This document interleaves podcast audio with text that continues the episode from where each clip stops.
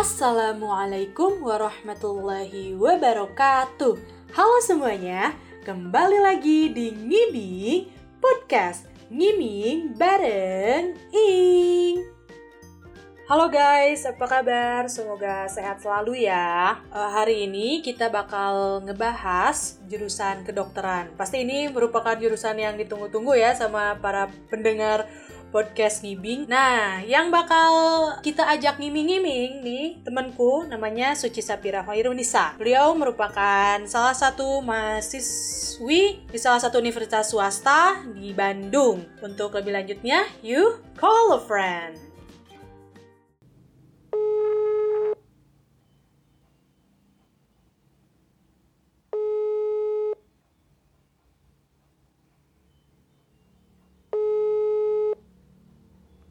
Assalamualaikum warahmatullahi wabarakatuh. Waalaikumsalam warahmatullahi wabarakatuh.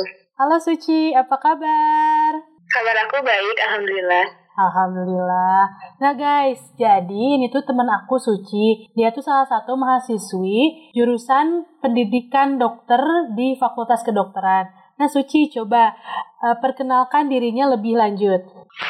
Ya, nama aku Suci Safira Veronisa. Hmm. Sekarang lagi ya, di salah satu universitas swasta di Bandung, ke jur- ke Fakultas Kedokteran, jurusan Pendidikan Dokter Umum. Oh, jadi uh, jurusannya tuh pendidikan dokter umum ya Ci ya? Iya. Di fakultas itu ada ada berapa jurusan Ci? Kalau di sini memang Fakultas Kedokteran cuma itu aja. Oh, jadi kalau sama kedokteran gigi berarti beda lagi ya? Ya, beda fakultas. Oh, iya iya iya. Waktu SMA-nya Kak Suci ini jurusan apa sih? Aku jurusan IPA di SMA-nya. Coba ceritakan kenapa Kak Suci bisa milih jurusan itu sih? Eh, emang sebenarnya cita-cita dari dulu dari kecil emang bercita-cita jadi dokter tapi waktu itu sih cuma mikirnya ya udah pengen jadi dokter waktu kecil ya Iya. karena mikirnya dokter tuh kayak wah keren gitu dulu tuh Mm-mm. terus pas sekarang gitu kayak pas di SMA aku sempat kayak mundur gitu gak mau ah masuk kedokteran karena kayak kurang percaya diri gitu Hmm. makanya dulu tuh pas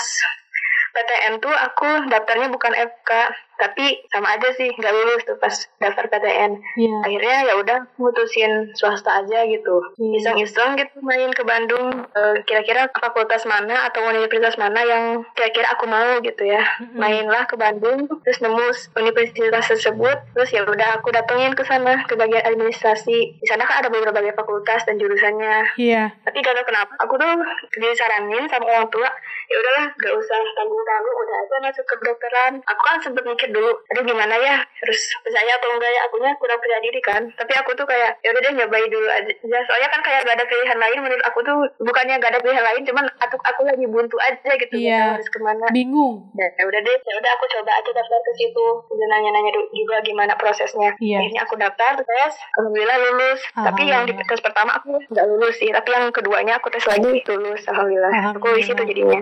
Nah, jadi jurusan kedokteran ini yang jurusan favoritnya anak IPA nih belajar apa aja nih, Kak? Belajarnya itu sedikit berbeda ya kayaknya sama fakultas lain. Mm-mm. Kalau di aku kelompokin menjadi empat bagian. Jadi yang pertama ada namanya itu kuliah biasa gitu kayak kuliah Iya. ngedengerin materi dari dosen Eh, biasa itu makan sama semuanya. Cuma kan di sini ngebedainnya itu yang pertama ada tutorial kegiatan tutorial itu. Jadi di sini kita benar-benar bahas suatu kasus kasus kayak pasien gitu punya kasus ini gitu. Maksudnya dia tuh penyakit ini. Nah di kegiatan tutorial ini kita benar-benar ngebahas sebuah kasus yang berhubungan dengan penyakit gitu. Biasanya tutorial ini tuh ada tiga pertemuan dua pertemuan itu tuh bahas kasusnya. Jadi satu pertemuan yang pertama kita bahas kasus berdasarkan pengetahuan kita gitu. Kira-kira apa? Dan nanti di pertemuan kedua kita kan pasti memperdalam lagi kalau udah kita nemuin. Kan di pertemuan satu tuh kita benar-benar kayak belajar belajar ngediagnosis intinya gitu. Iya. karena nanti tuh dikasih kayak ada kelompok kecil gitu kan. Iya. bagi kelompok kecil nanti ada penutornya ngasih eh, modul skenario yang udah disusun sama penyusun modulnya. Dan nanti setelah kita bahas kasus tersebut kita dapat kan diagnosisnya. Nah nanti sama diagnosis eh ada diagnosis banding sama diagnosis kerja. Bedanya kalau diagnosis banding itu kita jadi kayak eh, memperkirakan kalau Analisis, kas- iya. analisis. Jadi kalau kita dapat gejala gini kayak gini-gini biasanya punya penyakit satu dua tiga. Nah nanti dah, biasanya diagnosis banding pertama itu jadi diagnosis kerja.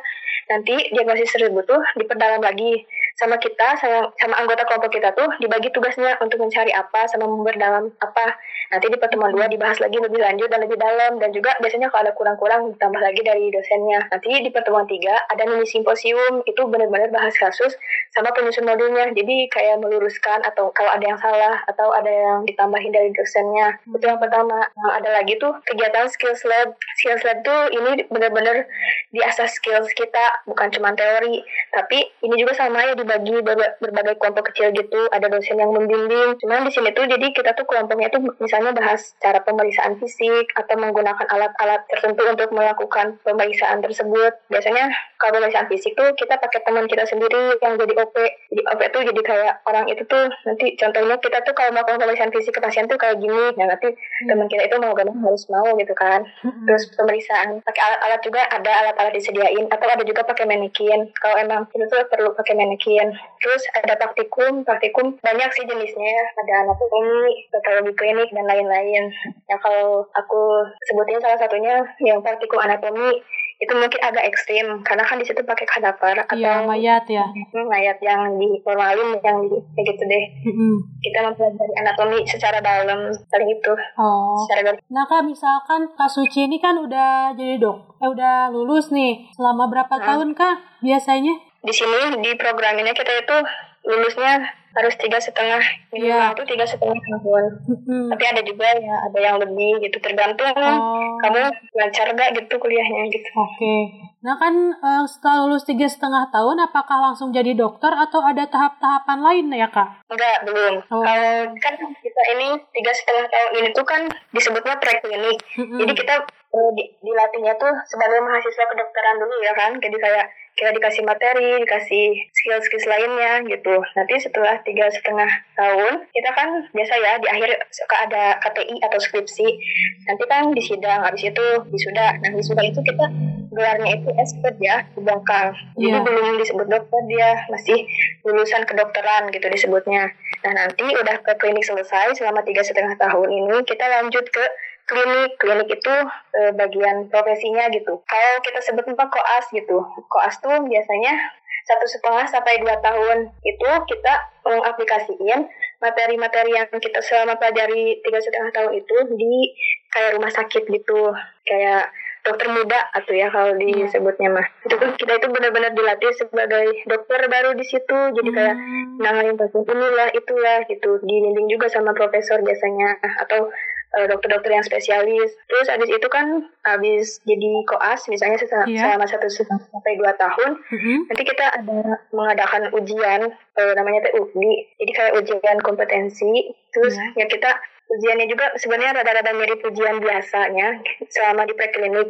Cuma oh. ini benar-benar ujian kayak penentuan kamu lulus gak sih atau layak jadi dokter atau enggak. Nah kalau hmm. misalnya lulus dan semoga aja lulus, nah nanti baru deh kita e, disumpah jadi dokter. Baru abis itu kita punya gelar itu di, di depan nama kita dokter. dokter. Baru di situ dokter. Dokter Suci, hmm. Cielah, mantep nih. Amin. Amin. Nah, Kak Suci, kalau peluang karir dari ya, jurusan kedokteran ini selain jadi dokter apa cuma jadi dokter atau bisa jadi ada pekerjaan-pekerjaan lain atau gimana kak? Itu tergantung kita sendiri ya nanti ke depannya mau ngapain ya pastinya kita pastinya jadi dokter kan itu udah pasti kalau oh, jadi dokternya iya, mah. Iya bener. Kalau kita pengen gak mau dokter aja lah mau dokter apa mau dokter misalnya dokter yang suka ya, ngediriin apa sih namanya kayak forum bukan forum apa sih penyuluhan kayak gitu. Mm-hmm. ya bikin bikin relawan juga bisa.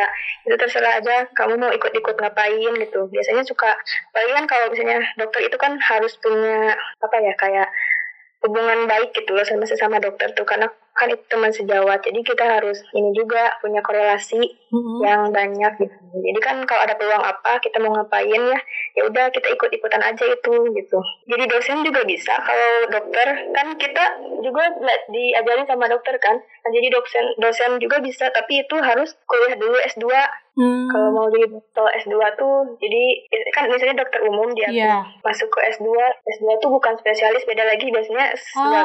tuh apa ya nama itu ya tuh si gelar belakangnya juga beda pokoknya. Oh MSC uh, gitu kali ya, MSI gitu ya. Biasanya ya ya MKD kalau di kita. Oh gitu. Oh iya iya. Kalau suasana belajar di kampus enak nggak kak? Kalau suasana di sini alhamdulillah enak. Hmm, kondusif, aman ya kak ya, alhamdulillah. Kondusif juga, teman-temannya juga rame kok. Gimana cara Kak Suci beradaptasi nih? Kan asalnya Kak Suci dari seorang siswa siswa biasa yang sekolahnya tuh kayak full day school gitu kak.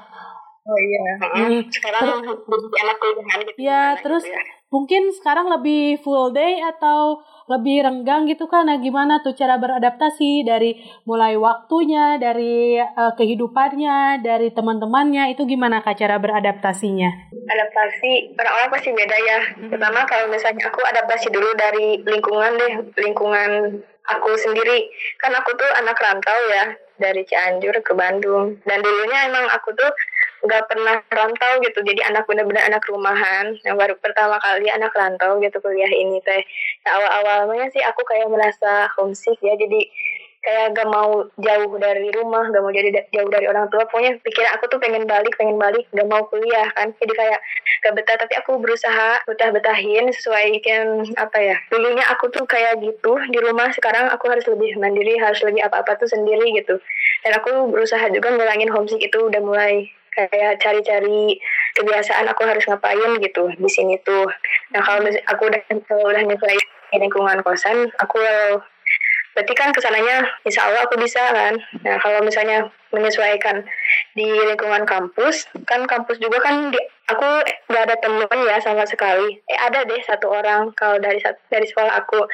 Jadi kan sisanya nggak punya temen ya nggak punya siapa-siapa. Itu uh, adaptasinya tuh pertama aku kan uh, kan orang lain tuh teman-temannya banyak gitu kan dari sekolahnya tuh sama aku enggak ya. Aku coba deketin walaupun aku sendiri orangnya itu pendiam gitu. Iya. jadi maksudnya kayak iya kan nggak berani gitu kayak oh, saya hai duluan. Aku mending diem aja sampai ada orang yang ngajak ngobrol atau saya hai ke aku hmm. aku bisa gitu. Saya hai juga balik. Terus kalau misalnya orangnya baik gitu enak diajak ngobrol biasanya aku mau gitu bisa diajak ngobrol. Terus lama-lama biasanya aku nggak akrabin diri sendiri juga gitu sama mereka mau gak mau gitu. Dan aku juga butuh teman. Akhirnya banyak juga gitu teman. Itu sama temen-temennya adaptasinya uh, lumayan lah tapi bisa aku udah banyak temennya kok sekarang. Hmm. terus kalau ada di kampusnya kayak pembelajarannya dulu kan sekolah full day school ya dari pagi sampai sore. Yeah. terus sekarang pada itu tuh biasanya tergantung gak sih? Soalnya satu uh, setiap minggu tuh per hari itu beda gitu si jadwalnya. Misalnya Senin ini tuh cuma jam jam 7 sampai jam 3 bisa aja Senin depan mah jam 7 sampai jam 12 jadi tergantung tergantung apa ya?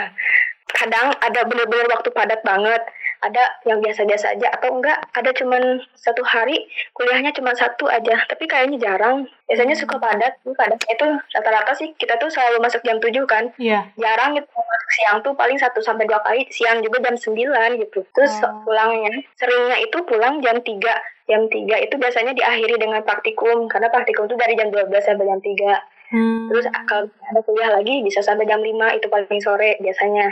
Tapi ada juga blok tertentu pernah sampai jam hampir jam 7 malam sampai jam 7 malaman gitu. Terus kalau soal membagi waktu yeah. itu aku lumayan bisa soalnya emang dari dulu aku udah dilatih buat disiplin sama waktu. Jadi ya aku nggak terlalu gimana gimana kalau soal waktu bisa bisa aja kalau soal waktu belajar di sini.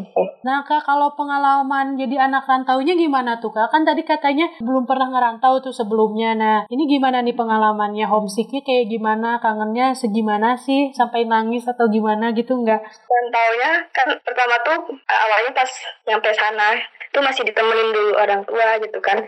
Kayak hmm. sehari dua hari gitu nginep di sana. Tapi kan gak mungkin juga orang tua lama-lama kan ada kesibukan lain. Ya udah mereka pulang. Nah pas pulang tuh aku tuh kayak tiba-tiba nangis gitu. Kayak gak mau di sini gitu. Pengen ikut gak mau. Pokoknya aku harus ikut gitu. Dan pikir aku nanti aku tahan gitu. Yeah. gak ngechat orang tua. Nah ya udahlah. Sana aja. Aku bilang aja aku bisa gitu. Jaga diri sendiri baik-baik aja gitu. Karena aku uh, pernah nangis sampai malam gitu. Kayak belum betah kan dulu mah. Iya. karena kayak ih aku sendirian gitu. Maksudnya apa apa sendirian? Terus gak apa ya kan dulu mah sama orang tua banget gitu deket. Sekarang kayak jauhan gitu. Ya udah deh aku tuh kayak nyobain aja. Aku mau nyari kegiatan ngapain gitu selama di kosan misalnya sebagai anak rantau teh. Dan biasanya jadi jadi anak rantau ini tuh aku ngerasa aku lebih mandiri terutama dalam ngatur keuangan. Ya kan kalau dulu mah pas dulu pas sekolah masih zaman sekolah dikasih uang tuh segitu. Ya udah segitu gitu. Gak pernah terpikirkan buat ngatur jajan jam segitu gak pernah paling ya udahlah atau enggak kalau lagi hemat ya pengen hemat. Tapi kalau sekarang tuh benar-benar kayak ngitungin kayak misalnya aku tuh dikasih uang segini jadi aku tuh harus ngitungin gitu. E, gak sebulan tuh kira-kira aku harus ngeluarin uang berapa? Tapi ya tapi nggak hemat juga maksudnya nggak hemat banget gitu sampai nyirit hemat sih tapi cukup gitu buat kebutuhan aku terutama makan. Pokoknya aku tuh selalu diingetin tentang makan gitu karena kadang makan aku tuh kalau nggak telat makan makannya tuh yang aneh-aneh gitu Eh, kayaknya udah deh Ah, udah. Kalau uh, ini kak kegiatan sehari-hari gimana kak? Pas sebelum WFH ini kak, ya gitu-gitu aja kegiatan aku mah flat ya bangun tidur gitu sampai tidur lagi kayak gimana kak? bangun tidur aku tidur bangun tidur biasanya sebelum subuh Wes. terus nggak tahu iseng aja awal-awal mah. Cuman tapi sekarang mah kayak kalau aku lagi pengen belajar terus besoknya misalnya nih besok paginya tuh ada kegiatan tutorial atau praktikum saya emang harus kan belajar itu. Nggak boleh pakai otak kosong gitu belajar di situ tuh. Apalagi praktikum kan sebelum praktikum tuh ada tes dulu pre tes gitu. Kan Iya. harus belajar. Jadi biasanya aku sebelum subuh tuh bangun biasanya setengah jam tiga atau setengah empatan ngulang dulu materi. Tapi sebelumnya malam aku belajar dulu sih. Nanti sebelum subuhnya aku ngulang. Itu juga kalau, kalau lagi mau ya tapi kalau lagi ngantuk banget dan capek banget mah enggak ah nanti aja udah subuh ya biasa gitu udah subuh uh, kayak sholat biasa gitu. Terus nanti beres-beres dulu kamar biasanya kosan sama nyiapin buat besoknya tuh ada apa gitu aku tuh kayak misalnya nyiapin buku ini buku itu terus baju juga disiapin. Baru nanti kayak biasa siap-siap kuliah. Kalau sarapan awal-awal mah aku suka sarapan ya.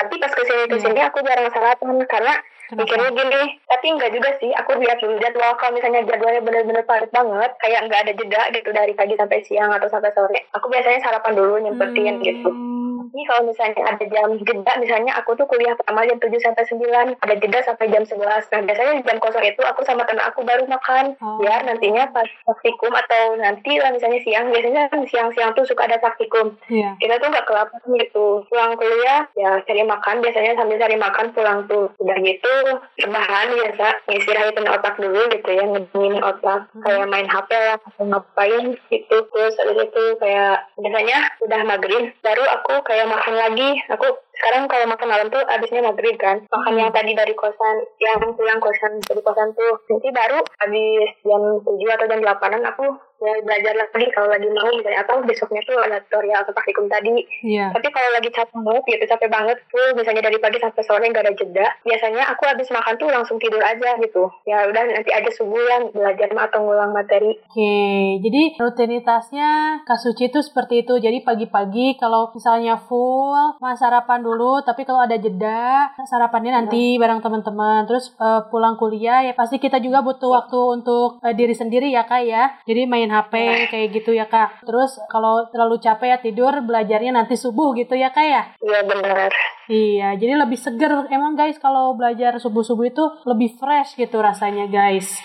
Nah, rencana ke depannya ini Kak Suci gimana nih Kak? Bakal eh, jadi dokter buka praktek sendiri kah? Atau bakal mau ngelamar ke rumah sakit kah? Atau gimana Kak? kalau aku ya pengennya Mm-mm. nanti habis jadi dokter tuh kan sebenarnya ada isip dulu kan Apa tuh? sekitar intensif jadi kita tuh kayak praktik tapi biasanya di rumah sakit kalau nggak di rumah sakit tuh kayak puskesmas puskesmas gitu Oh iya, terus terus. Isi. Nanti kan habis itu biasanya terus ngapain dulu gitu. Baru nanti tuh kita ada surat izin buat kita praktek kan.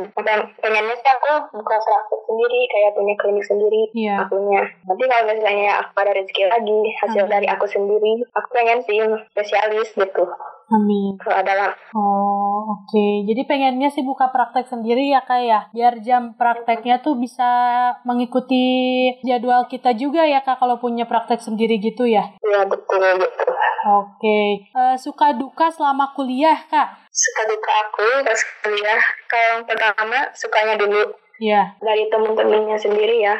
Aku kira kan katanya kuliah tuh individual banget gitu. Orang-orang tuh gak mau nolong karena pengen maju sendiri pengen lulus cepet gitu. Ah bodo amat lah teman aku kira gitu kan karena pernah Iya. dengar juga cerita-cerita kayak gitu dari sebelum. Dari ya dari orang yang lebih senior dari aku. Tapi ternyata pas masuk FK tuh kita tuh nggak dididik kayak gitu nggak.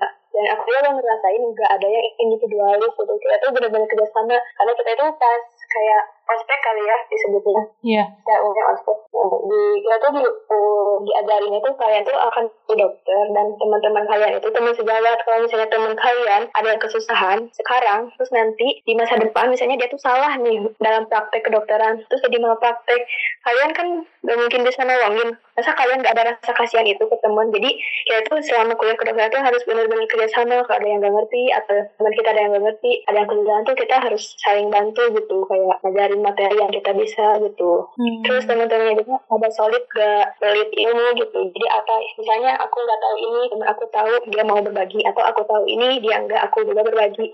Pokoknya saling berbagi gitu nggak ada yang individualis mungkin kita kerjasama eh, kayak bantu apa ya intinya kita tuh harus lulus bareng kita itu teman sejawat walaupun ada teman kita yang tertinggal tapi kita tetap mau bantu. Paling sukanya itu aku ngerasain teman-temannya apalagi kan teman-teman aku banyaknya rantau banget gitu. Rantaunya tuh nggak cuman antar kota ada dari luar pulau gitu temannya tuh. Jadi nggak ngerasa sendiri gitu. Terus kalau misalnya Iya. ya itu kadang kalau misalnya pertama kalau dalam kondisi aku di di kosan aja misalnya aku tuh lagi sakit gitu kan.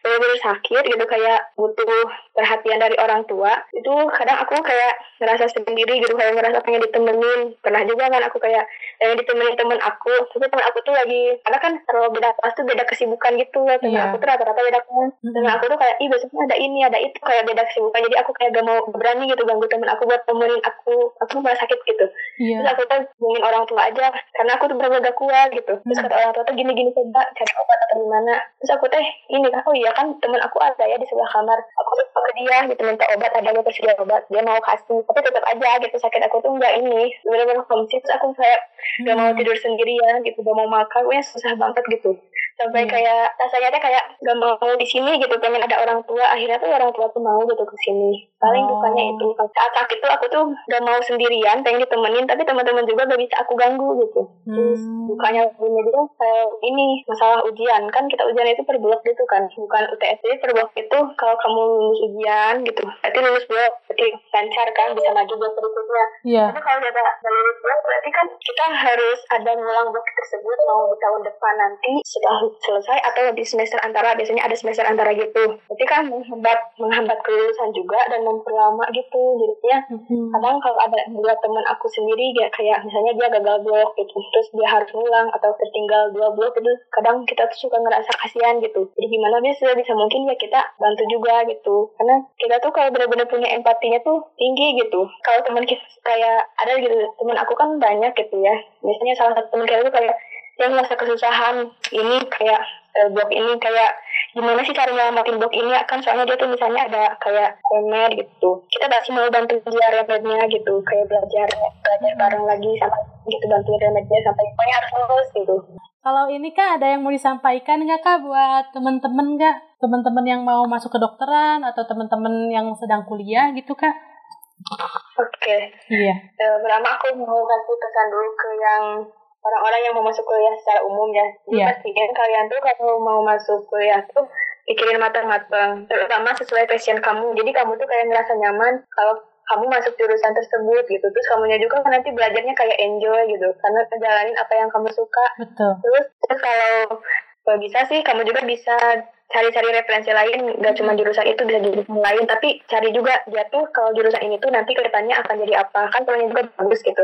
Nah Iya. kalau untuk orang yang mau masuk kedokteran juga sama sama gitu harus beneran pikirin matang-matang dengan baik gitu. Eh, kamu tuh beneran mau jadi dokter, tapi jangan, jangan cuma kayak aku tuh pengen jadi dokter biar keren gitu. Biar gaya-gayaan doang.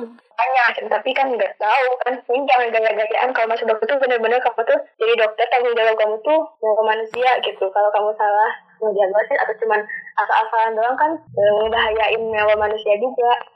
Yang penting itu tanggung jawab kamu itu sama. Kamu tuh e, sebagai dokter tuh di hidupnya itu benar-benar jadi dokter bukan cuma masalah materi tapi yang pentingin masalah dulu nyawa baru ke materi gitu mm-hmm. karena kan di tadi kan di akhir kita ada sumpah dokter itu kan nah kita tuh harus benar-benar ngerealisasiin si sumpah itu gitu sumpah dokter tersebut gitu. Jadi jangan main-main sama sumpah tersebut. Karena kan sumpah itu pasti urusannya sama Tuhan kalian masing-masing gitu. Jadi kalau jadi dokter tuh benar-benar pikirin gitu. Jangan sampai seleksinya itu seleksi alamnya itu pas kalian udah masuk ke dokteran kalian kayak aku gak kuat ini aku gak bisa kenapa aku gagal terus aku nyesel. Terus yeah. kalian keluar gitu. Kan sayang uang sama uang dari awal dari pertama daftar udah masuk berapa tuh gitu. Kamu pengen seenaknya gitu ah gak mau jadi kedokteran mau keluar aja mau pindah jurusan lain yang lebih kan itu kan kayak kamu yeah. tuh nyepelein uang orang tua gitu uang tuh kan gak gampang gitu jadi mm. kalau mau masuk kedokteran misalnya kamu udah masuk pesan aku sih kamu tuh harus bener-bener rajin belajar walaupun kamu misalnya ngerasa e, aku tuh kayak merasa biasa-biasa gitu tapi teman-teman aku pada pinter pada